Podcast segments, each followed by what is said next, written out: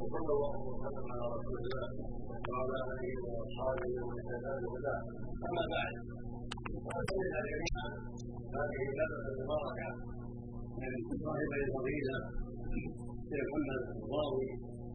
شيخ محمد الصدار فيما يتعلق بموضوع الاختلاط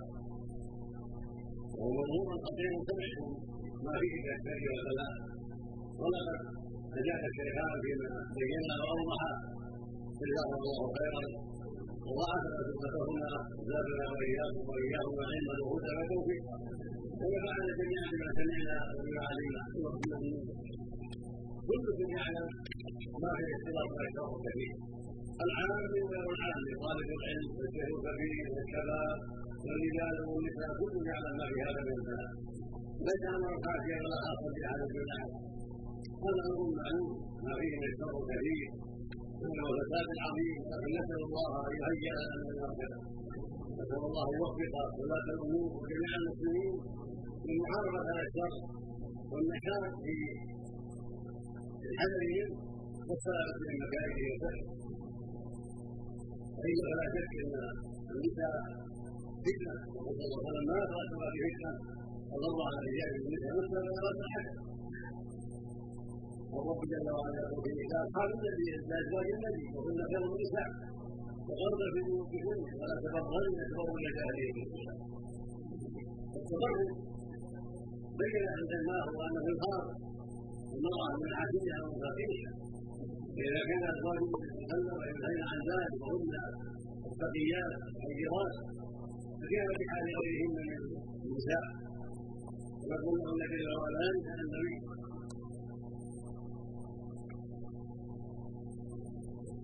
يسلمك أحد العلم فإنه لا تخضعن بالقول فيتبع غير قلبه مقطع إذا خضعت المرأة بالقول ولجنت بالقول سمع اصحاب المرض وهو الشهوه والميل إلى النساء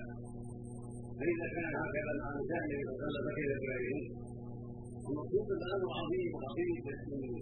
بسائر النصوص ويقول جل وعلا يا ايها الناس قل لازواجك وبناتك ونساء يؤمن عليهن بقلبهن ذلك علم أن يطهرن فلا يزين وكان الله غفورا رحيما فامر باجزاء الجزاء على راس المراه وبدنها فوق الثياب لأن لا يبعث لها عن الفتنة ويبعث الرجال عليه ثم نهيه سبحانه وتعالى للنساء على نساء الدين ومعلوم إذا كان عند الرجل تلك صغيرة أو عملت عنده وبين يديها وأمامها وعن يمينها وعن شمالها رجال لا تأتي إلا وهي متحسنة متجملة متزينة قد جعلت كل ما يريد. وظلم بها فكيف بعد ذلك يرجى يرجى السلام والسلام الأمر لا في غايه من الخطوره والواجب على ولاة الأمور وفقهم الله أن يعلم بهذا الامر يزيلوا اسباب هذا الخطر والواقع على الناس كذلك فان الاستخدام والقياس والقانونات فيه من الخطر العظيم فيه واذا كنا نصارى صار الله فطره فان هذه جزيره لا يجوز ابدا ان ينتقل لها الكفار لا من الرجال ولا من النساء لا من العمال ولا من القدم في البيوت ولا غير ذلك عليه وسلم اوصى عند موته باخراجهم باخراج الكفار من الجزيره وقال في الحديث صلى الله عليه وسلم لاخرجن اليهود والنصارى إذا زارت حتى لا أدى عليهم الصفة وأوصى بإخراجهم من الجزيرة لأنها بلاد الإسلام والإسلام ليس بلادنا ووجود كثر فيها في خطر عظيم ونحن يشتهر إلى بلاد الكفار وصناع الإسلام إلى بلادهم ولقاء بينهم بما فيه الشر العظيم حتى قال صلى الله عليه وسلم أنا عجوز منكم منكم بين المسلمين فكيف يجيبهم إلينا ثم نجد النساء أيضا قال لي ذكر اذا اجتمع هذا وهذا في المطارات في الطائرات في السيارات في البيوت وفي كذا وفي كذا صاروا الأمور في غير هذا العقائد والاخلاق جميعا وهم قول رجالهم ليس دعاة كل في الاقوال والاعمال وكثير منهم يوصل بالخالق يوصل بهذه العملية في اخراج العقائد والاخلاق جميعا الواجب على الواجب على الامراء والعلماء واعيان الناس التحذير بهذا والتنفير منه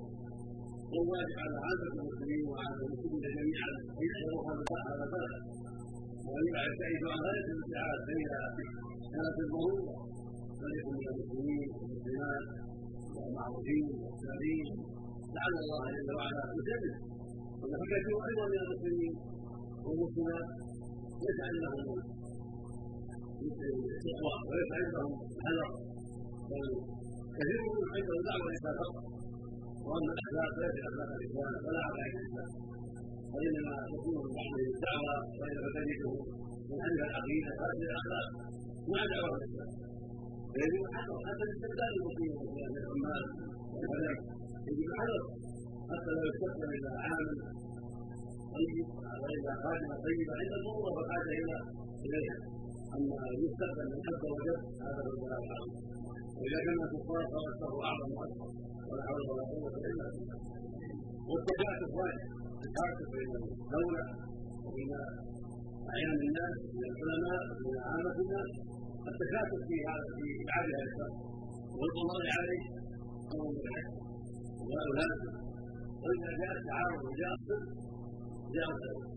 ولكن مع الكسل ومع الضعف ومع التساهل ويدرك البلاء ولا يقع ولا قوه الا بالله نسال الله لنا له العافيه والهدايه نسال الله ان يوفق المسلمين لما فيه صلاح ومن فيه سعادتهم ونجاته ونسال الله ان يوفق امتنا لما فيه صلاح العباد والبلاد ويصلح لها الاقامه ويعيدها من اطاعه الشرك ومعاصي الباطل كما نسال الله ان يصلح عامه المسلمين في كل مكان وأن يولي عليه خيارا وأن يعيدهم من كرامه وان يفقههم في الدين ويسر بينهم بعد وإلى الله تعالى نسأل الله جل وعلا أن يؤمن بذلك